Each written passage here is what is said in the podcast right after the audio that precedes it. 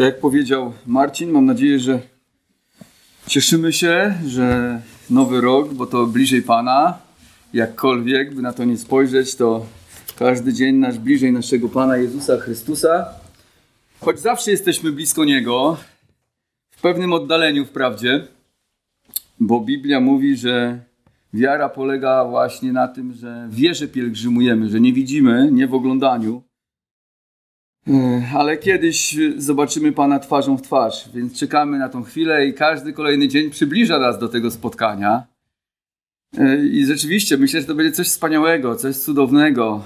A z drugiej strony widzimy tam w 24 choćby rozdziale Ewangelii Mateusza, kiedy Jezus przychodzi, kiedy dzieją się te wszystkie trudne rzeczy dla świata.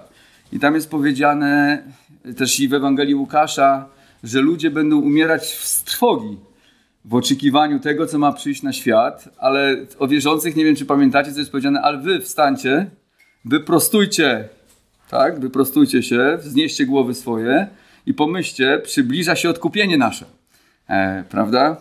Przybliża się odkupienie nasze. Także z każdym kolejnym rokiem, dniem przybliża się odkupienie nasze, a ja chciałbym, Bóg położył mi na serce, abyśmy dzisiaj przyjrzeli się Ewangelii Mateusza, drugi rozdział od 13 do 15 wiersza. To jest ta sytuacja, kiedy Pan Jezus wraz z Józefem i Marią muszą uciekać do Egiptu, bo Herod chce ich zabić. To jest Ewangelia Mateusza, drugi rozdział. Ucieczka do Egiptu od 13 do 15 wiersza. A gdy oni odeszli, czyli mędrcy, prawda, odeszli, którzy przyszli przywitać Pana Jezusa, oto anioł pański ukazał się we śnie Józefowi i rzekł, wstań, weź dziecię oraz matkę jego i uchodź do Egiptu, a bądź tam, dopóki ci nie powiem, albowiem Herod będzie poszukiwał dziecięcia, aby je zgładzić. Wstał więc i wziął dziecię oraz matkę jego w nocy i udał się do Egiptu. I przebywał tam aż do śmierci Heroda aby się spełniło, co powiedział Pan przez proroka mówiącego z Egiptu wezwałem syna mego. Czy można zniszczyć to, co Bóg zaplanował? Czy, czy człowiek może zniszczyć to, co Bóg zaplanował? Czy grzech może zniszczyć to, co Bóg zaplanował? Ktoś tu się modlił, że grzech też nie jest w stanie zniszczyć. Dziękuję Bogu, bo nasze złe uczynki nie są w stanie zniszczyć tego, co Bóg zaplanował. Czy diabeł może zniszczyć to, co Bóg zaplanował? No nie, nic nie może zniszczyć tego, co Bóg zaplanował, bo to by znaczyło, że coś jest większe od Pana Boga, coś jest mocniejsze od Pana Boga. To, co Bóg zaplanował, musi się wypełnić. Dlatego Bóg może powiedzieć, że nie przeminie żadne Jego słowo, jak mówił i zapewniał nasz, nasz Pan Jezus Chrystus. Tak więc niezależnie od tego, co by się działo na świecie, niezależnie od tego, co by się działo w naszym życiu, w tym roku nowym 2022, możemy być całkowicie pewni, że Bóg do końca doprowadzi wszystkie swoje zamierzenia. Wchodząc w kolejny rok, możemy być pewni, że wydarzy się w nim tylko to, nad czym Bóg ma cały czas kontrolę. Dokładnie to widzimy właśnie w naszym fragmencie. Mamy tutaj odpowiedź Boga na złość Heroda po tym, gdy mędrcy wystawili go do wiatru i nie przyszli do niego poinformować go, gdzie znajduje się dziecię. Pamiętacie, Herod prosił ich o to, gdy przyszli pokłonić się Jezusowi jako królowi, trafiając do Jerozolimy, żeby jak już dowiedzą się, gdzie jest dziecko, to słuchajcie, to wróćcie do mnie i powiedzcie mi, bo ja też chcę się jemu pokłonić. Prawda? Wiemy, że to była nieprawda. To on tutaj kłamał, oszukiwał. Tak naprawdę obawiał się o utratę swojej władzy, bo dowiedział się, że narodził się jakiś nowy król i po prostu chciał go zabić, żeby swoje stanowisko, swoją władzę, swoje wpływy zachować.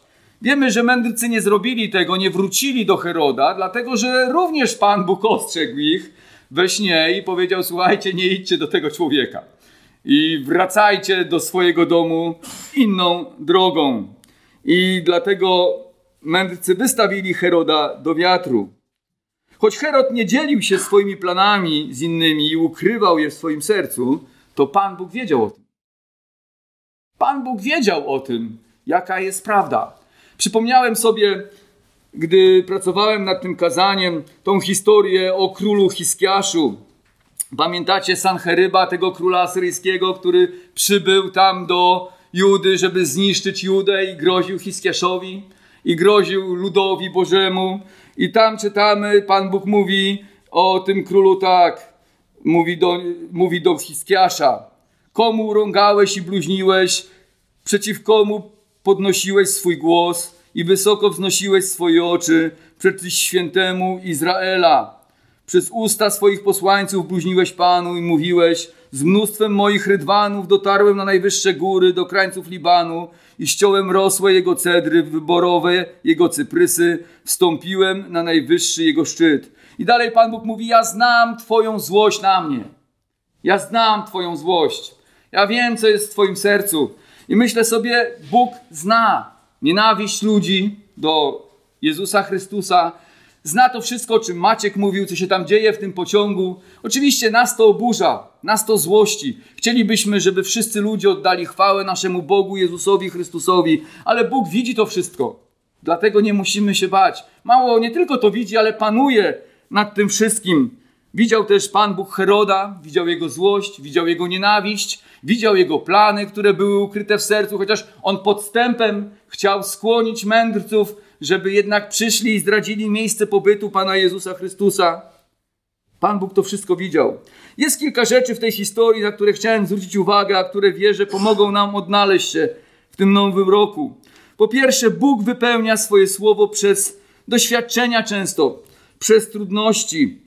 Zobaczcie, że kolejny raz możemy zobaczyć, a taki scenariusz często pojawia się w Biblii, że Bóg wypełnia to, co zapowiedział przez jakieś trudne sprawy. Ewangelista Mateusz informuje nas, że ucieczka Pana Jezusa z rodziną do Egiptu jest wypełnieniem proroctwa z księgi Ozeasza 11:1, w którym czytamy: Gdy Izrael był młody, pokochałem go i z Egiptu powołałem mojego syna. Izrael, Mateusz pisze przede wszystkim do Żydów, to więc e, dla nich to jest ważne, żeby udokumentować albo potwierdzić, że Pan Jezus jest Mesjaszem przez Pismo Święte. Prawda? To więc dlatego znajdziecie w Ewangelii Mateusza często właśnie takie wstawki, że i wypełniło się w ten sposób słowo pańskie i cytowanie jakiegoś proroctwa ze Starego Testamentu na potwierdzenie, że Jezus jest rzeczywiście Mesjaszem. Ozeasz był prorokiem, który pełnił swoją służbę w pierwszej połowie VIII wieku, krótko przed tym, gdy Asyria miała najechać północne królestwo i podbić Samarię. To więc Ozeasz, mówiąc o miłości Boga do Izraela, mówi o Bożej trosce, jak Pan ich wyprowadził z Egiptu, bo ich umiłował. Ale jak mówi też Mateusz, w tych słowach jest zawarte również proroctwo, że kiedyś Boży Syn, Jezus Chrystus, będzie musiał uciekać do Egiptu, by się w nim schronić, jak niegdyś Izrael osiedlił się w Egipcie, by ocalić swoje życie. Wiemy bowiem z Księgi Rodzaju, że Jakub z synami wyemigrował do Egiptu, do Józefa, uciekając przed głodem, który nawiedził Kanan. Tam w Egipcie Żydzi rozrosli się w wielki naród, aż w końcu Bóg wyprowadził ich wielką mocą. I ta historia pobytu Izraela w Egipcie jest typem albo zapowiedzią, że kiedyś Boży Syn pójdzie do Egiptu. To jest niesamowite, jak Pan Bóg układał całą historię pod to, żeby właśnie te życie Jezusa Chrystusa zostało zawarte w całej Biblii. Zobaczcie, że oni schronili się tam z powodu głodu w Egipcie. Pan Jezus schronił się też z powodu niebezpieczeństwa w Egipcie, dlatego że Herod zagrażał mu i musiał po prostu uciekać. Chrystus został powołany z Egiptu jak Izrael, jak Izrael. Następnie przebywał na pustyni 40 dni, będąc doświadczonym i próbowanym podobnie jak Izrael 40 lat. Po prostu Jezus musiał też przejść drogę Izraela. Biblia mówi, że musiał przejść drogę każdego człowieka, czyli być doświadczonym we wszystkim, żeby stać się ofiarą za nas, ale musiał odkupić też swój naród, więc musiał przejść drogę swojego narodu. I to zrobił. Więc odkupił Żydów i odkupił Pogan, odkupił nas wszystkich przez swoją śmierć. Tak więc pobyt Izraela w Egipcie oraz wyprowadzenie ich jest zapowiedzią lub typem służby Bożego Syna. Można powiedzieć, że Bóg w wydarzeniach Starego Testamentu, służbie kapłańskiej czy służbie ofiarniczej ukrywa lub zapisuje nowe przymierze, Dzisiaj dzięki temu, że to się już dokonało, możemy to dostrzegać. Wydaje mi się, że za każdym razem, gdy myślę o tym, to jeszcze większa chwała z mojego serca dla Pana Boga jest, jak widzę ogrom i wielkość Jego planów. Biblia mówi w 1 Koryntian 15:27, że wszystko bowiem poddał pod stopy Jego. Wszystko jest Jemu poddane. On nad wszystkim panuje.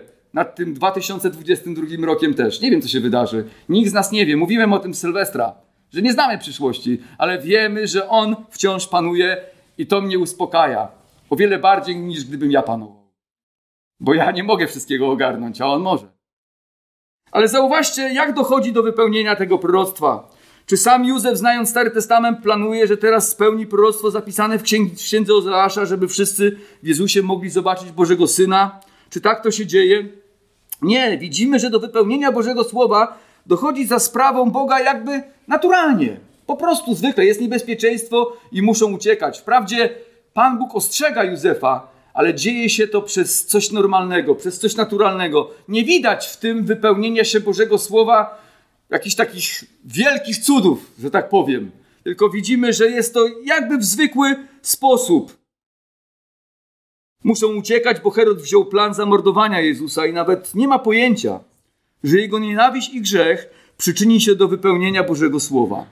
Znając historię Heroda, nie powinniśmy się dziwić, że chce to uczynić, bo wiemy, że Herod był okrutnym człowiekiem, bardzo okrutnym i przebiegłym władcą, często wietrzącym, wietrzącym spiski wokół siebie i obawiającym się o swoją władzę. Znany był ze swojej bezwzględności, zwłaszcza wtedy, gdy stwierdził, że ktoś mu zagraża.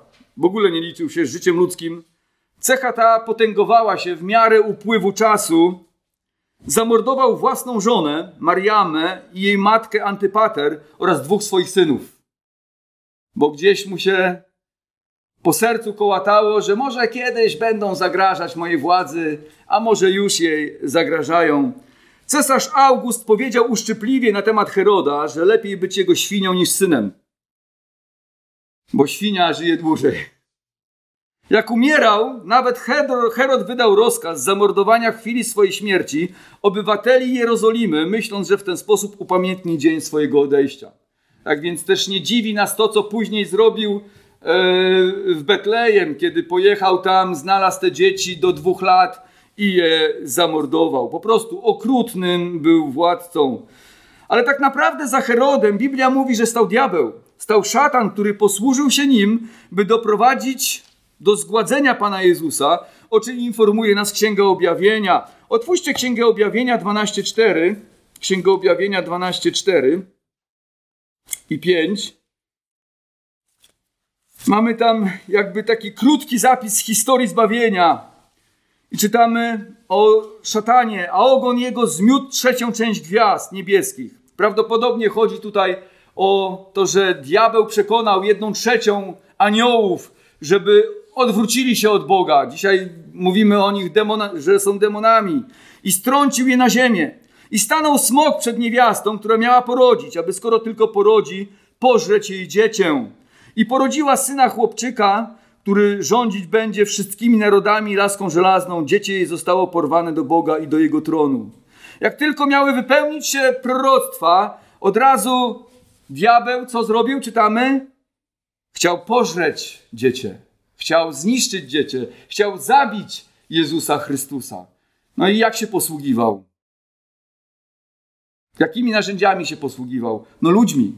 Ludźmi, którzy byli mu oddani posługiwał się Herodem, posługiwał się władcami tego świata, którzy są zaprzężeni przez niego do tego, żeby wypełniać jego plany.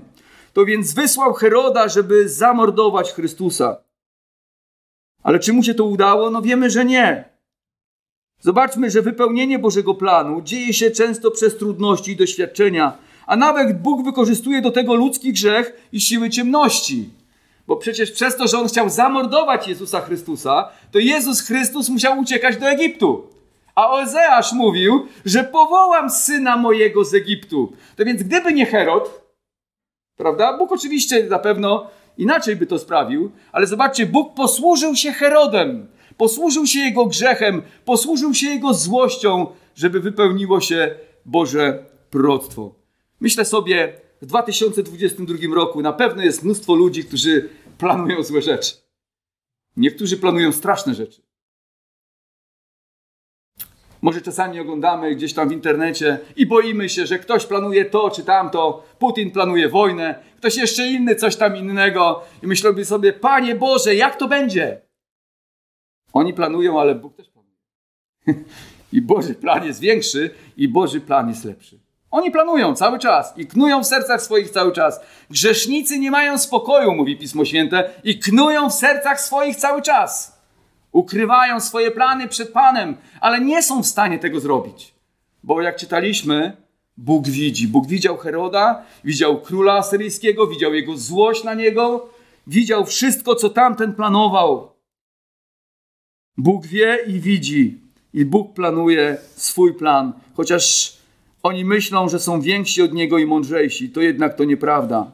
Tak więc nie wiem, czego się spodziewamy po tym nowym roku, ale patrząc na tą historię, patrząc na to, jak działa Bóg, a jednocześnie wiedząc, że czekają nas różne wyzwania i doświadczenia, powinniśmy spodziewać się, że właśnie przez nie Bóg będzie wypełniał swoje plany.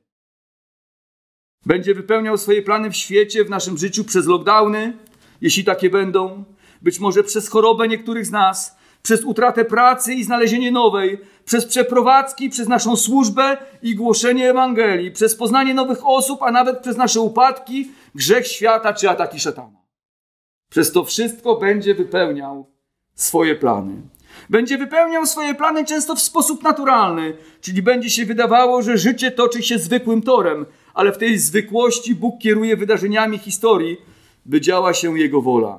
Świat nigdy tego nie zauważy. Dla nich to będzie splot wydarzeń. Nawet jeśli coś dostrzegą. Przypadek, splot wydarzeń, tak się stało. Ale dla nas to będzie świadectwo, że Bóg jest żywy i wciąż działa. Innym razem znowu Bóg, gdy uzna to za słuszne, będzie działał w sposób cudowny, odpowiadając na nasze modlitwy i prowadząc nas według swego upodobania. Wiedząc, że nasz Bóg może działać i działa w każdych okolicznościach życia, powinniśmy wchodzić w ten nadchodzący rok z nadzieją, wiedząc, że jeśli tylko wierzymy w naszego Pana Jezusa Chrystusa, to zawsze zwyciężamy, bo Bóg zawsze zwycięża. Jeśli Bóg zawsze zwycięża, to i my zawsze zwyciężamy, a nasze zwycięstwo jest w Nim. Co powiedział apostoł Paweł wobec różnych trudności i okoliczności życia w ósmym rozdziale? Przypomnijmy sobie 35 wiersz ósmego rozdziału i dalej. Ósmy rozdział Rzymian, 35 do 39. Któż nas odłączy od miłości Chrystusowej? Czy utrapienie, czy ucisk, czy prześladowanie, czy głód, czy nagość, czy niebezpieczeństwo, czy miecz?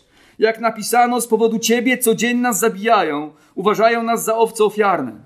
Czy zabijanie uczniów z powodu wiary w Jezusa Chrystusa było złe czy dobre? To było złe. To było złe, złe doświadczenie. No nikt nie chce cierpieć. Nikt nie chce być prześladowany, nikt nie chce być zabijany. Dzięki Bogu nie jesteśmy zabijani. Chwała Bogu, że daje nam dużo więcej swobody. Ale tak było z apostołem Pawłem, tak było z wieloma innymi uczniami. Z powodu Ciebie cały dzień nas zabijają. Tak to widzi apostoł Paweł.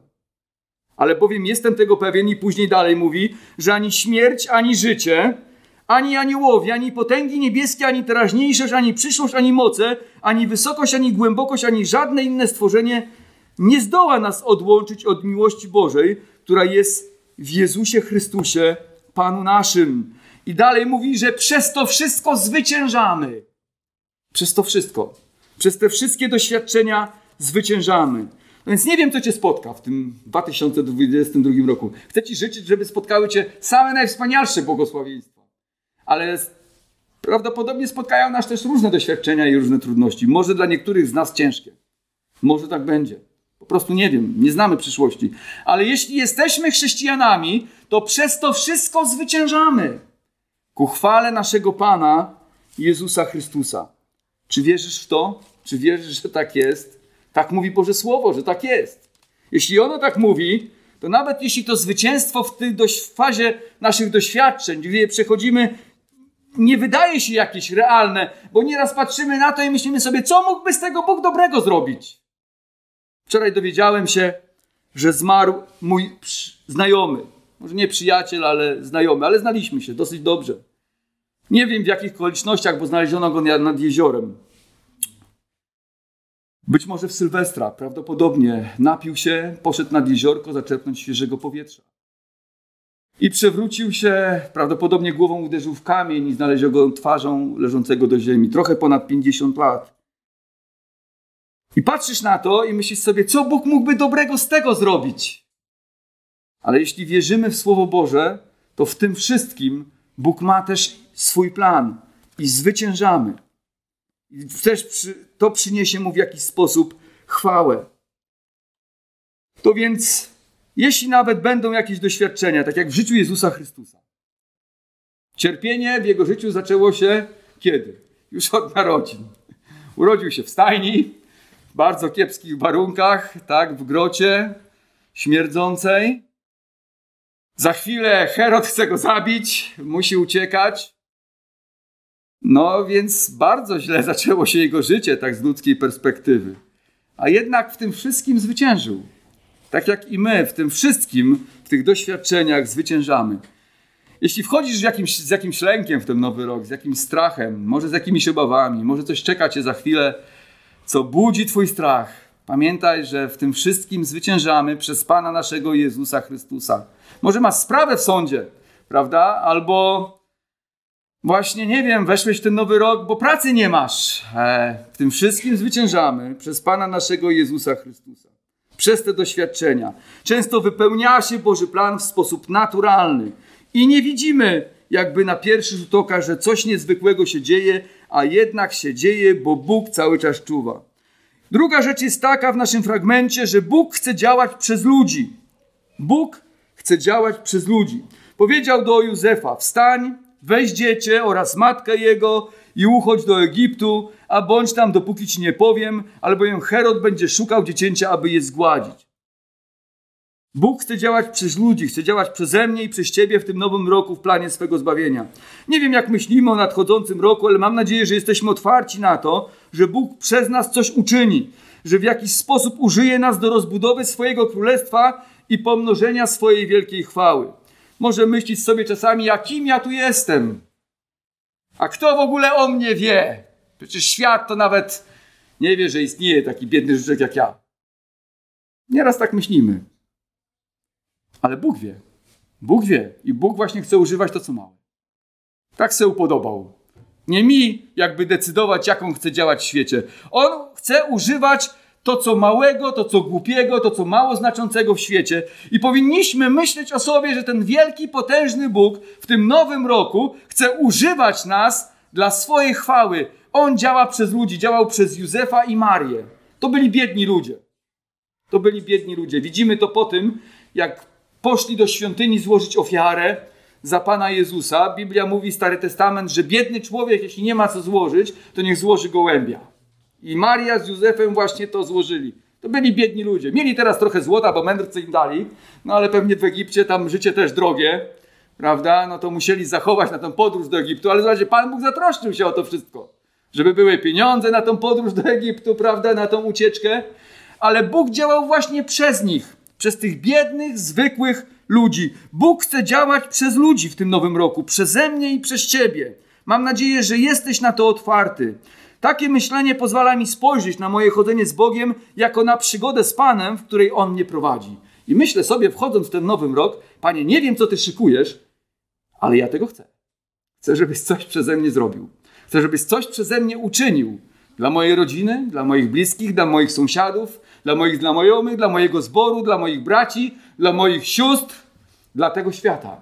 Coś dobrego, coś, co Ty masz dla ludzi.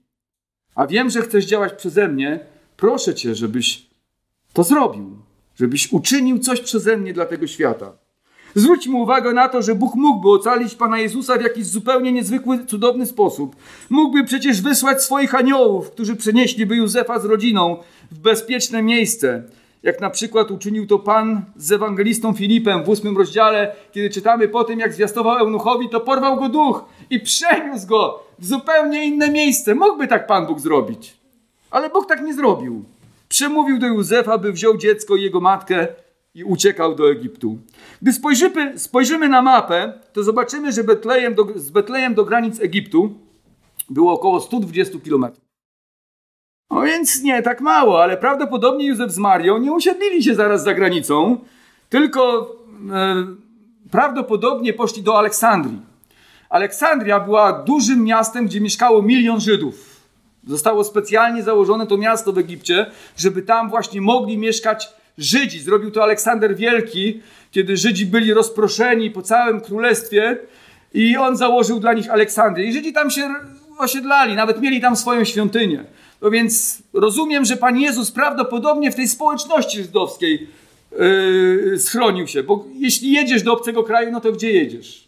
Najczęściej tam, gdzie są ludzie, którzy mogą w jakiś sposób mi pomóc, prawda? Mogę, mam z kim porozmawiać, mam z kim się spotkać. Nie wiemy, jak długo Pan Bóg przebywał, Pan Jezus przebywał w Egipcie, prawdopodobnie kilka miesięcy, ale wydaje mi się, że było, poszli do Aleksandrii. Jeśli poszli do Aleksandrii, to jeszcze od granicy do Aleksandrii było 160 kilometrów, czyli 300 kilometrów.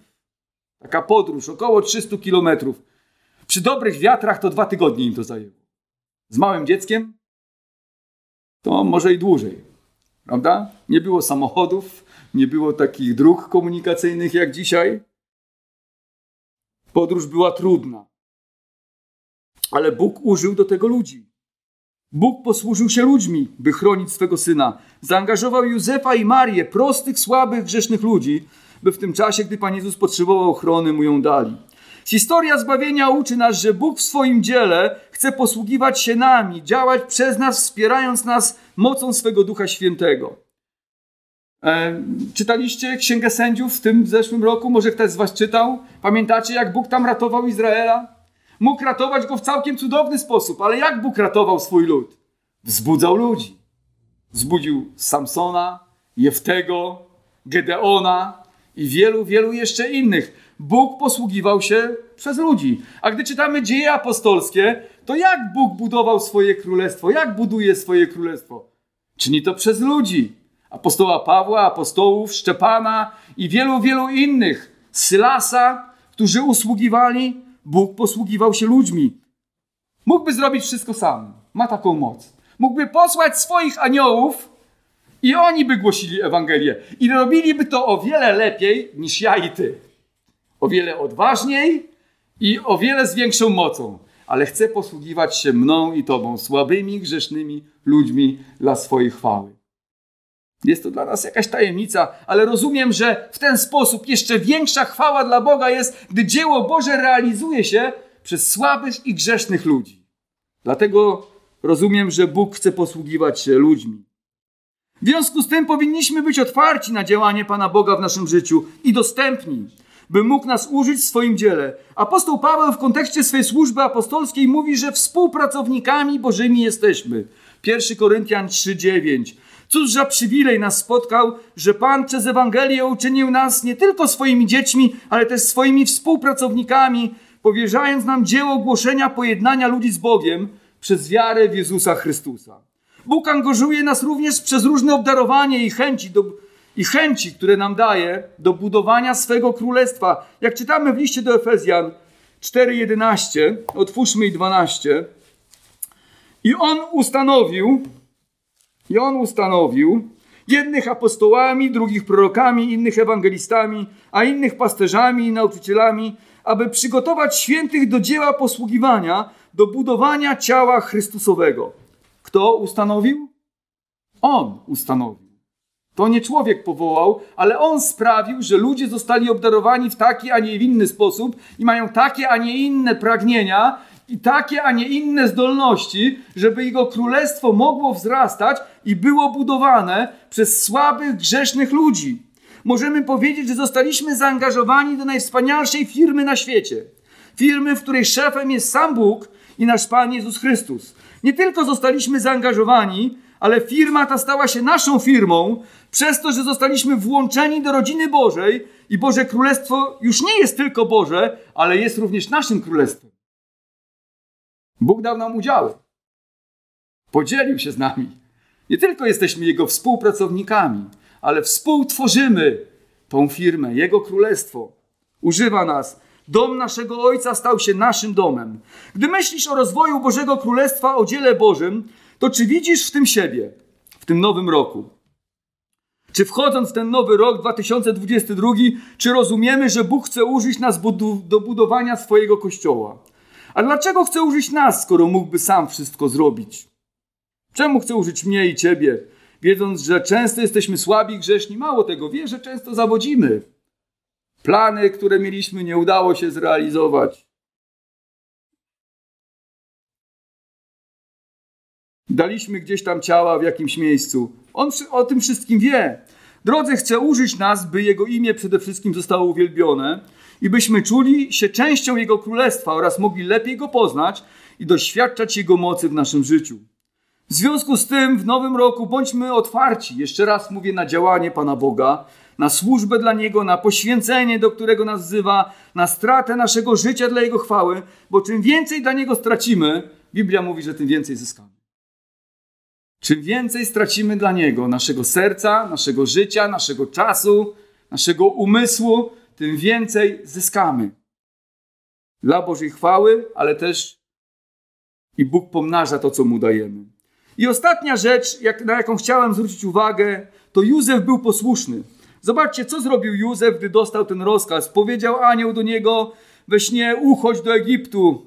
Bądź tam, dopóki ci nie powiem, mówił anioł pański. A co Józef zrobił? Wstał więc, wziął dzieci oraz matkę jego w nocy i udał się do Egiptu.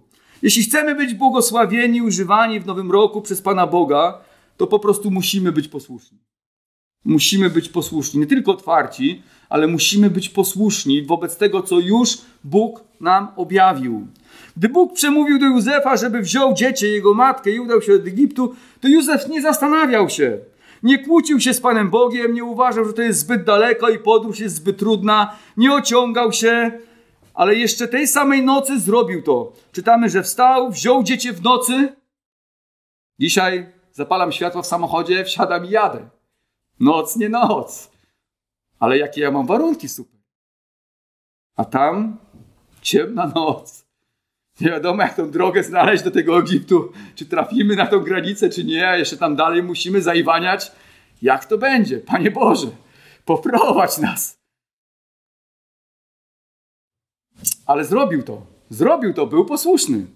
Wziął Marię i dziecko w nocy i udali się w tą podróż. I miał również mieszkać w Egipcie tak długo, aż Bóg powie mu kolejny raz, kiedy powinien się przeprowadzić. Możemy powiedzieć, że Pan Jezus zrobił wiele zamieszania w życiu Józefa i Marii. Byli zmuszeni z powodu zaangażowania się w dzieło zbawienia całkowicie przeorganizować swoje życie. Podobnie będzie z każdym z nas, w którego życie wkroczy Jezus Chrystus. Jeśli będziesz posłuszny, będziesz miał wiele zamieszania. Będzie wiele zamieszania w Twoim życiu, ale dobrego zamieszania dobrego zamieszania, przez które Pan Bóg będzie działał. Ale to nie będzie tak, że nie będzie kłopotów i problemów. Będzie zamieszanie w Twoim życiu. Pan Bóg miesza w życiu ludzi, jak wchodzi w ich życie. Jezus Chrystus odwraca nasze życie do góry nogami. Gdy wszedł w moje życie, odwrócił do góry nogami. I kłopoty się pojawiły, wiele kłopotów. I nadal je mam. Wiele z tych rzeczy nadal mam gdzieś, które, z którymi muszę się zmagać, ale wiem, że On jest ze mną w tym wszystkim. Zrobił zamieszanie w życiu Józefa i Marii. Podobnie będzie z każdym z nas, w którego życie wkroczy Chrystus. On będzie chciał całkowicie je przeorganizować, byśmy już nie służyli sobie, ale Jemu.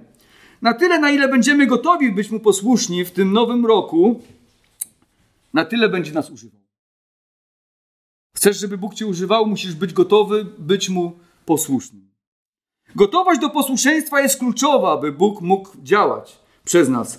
W rzeczywistości Pan nie chce działać przez tych, którzy nie chcą być Mu posłuszni.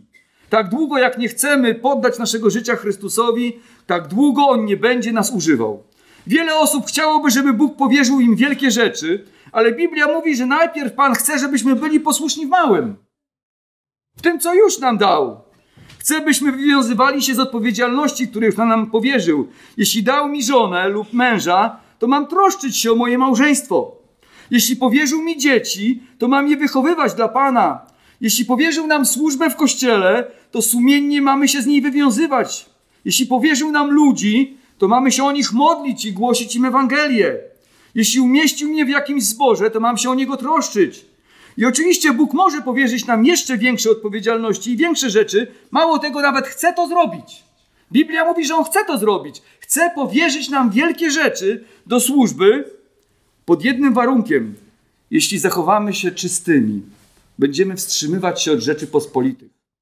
Mówi Biblia. Apostoł Paweł, drugi do Tymoteusza 2,21 mówi: Jeśli kto siebie czystym zachowa od rzeczy pospolitych, będzie naczyniem do celów zaszczytnych, poświęconym i przydatnym dla Pana, nadającym do się do wszelkiego dobrego dzieła.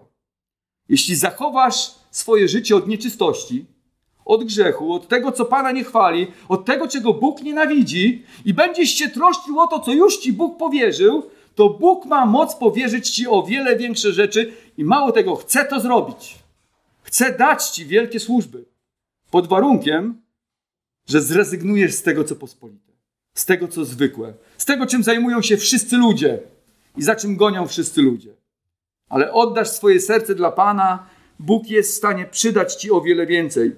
Jeśli nie troszczymy się o to, co już mamy od Boga, a nadto nie trzymamy się z dala od grzechów i nie pilnujemy się, by nie zanieczyszczać się tym, co Bogu się nie podoba, to nie liczmy na to, że Bóg będzie wielce nas używał i powierzy nam wielkie rzeczy. Oby tylko zachował to, co jeszcze mamy. Oby tylko zachował to, co jeszcze mamy, bo czasami też potrafi odebrać. Tak? Siłę, zdrowie, jeśli nie słuchamy Go. O tym mówi, dzisiaj Maciek mówił, nam o ofierze Pana Jezusa, ale w tym fragmencie tam też czytaliśmy, że Bóg dyscyplinuje swoje dzieci. Jeśli Go nie słuchamy, ma moc też nas doprowadzić do porządku i zdyscyplinować nas.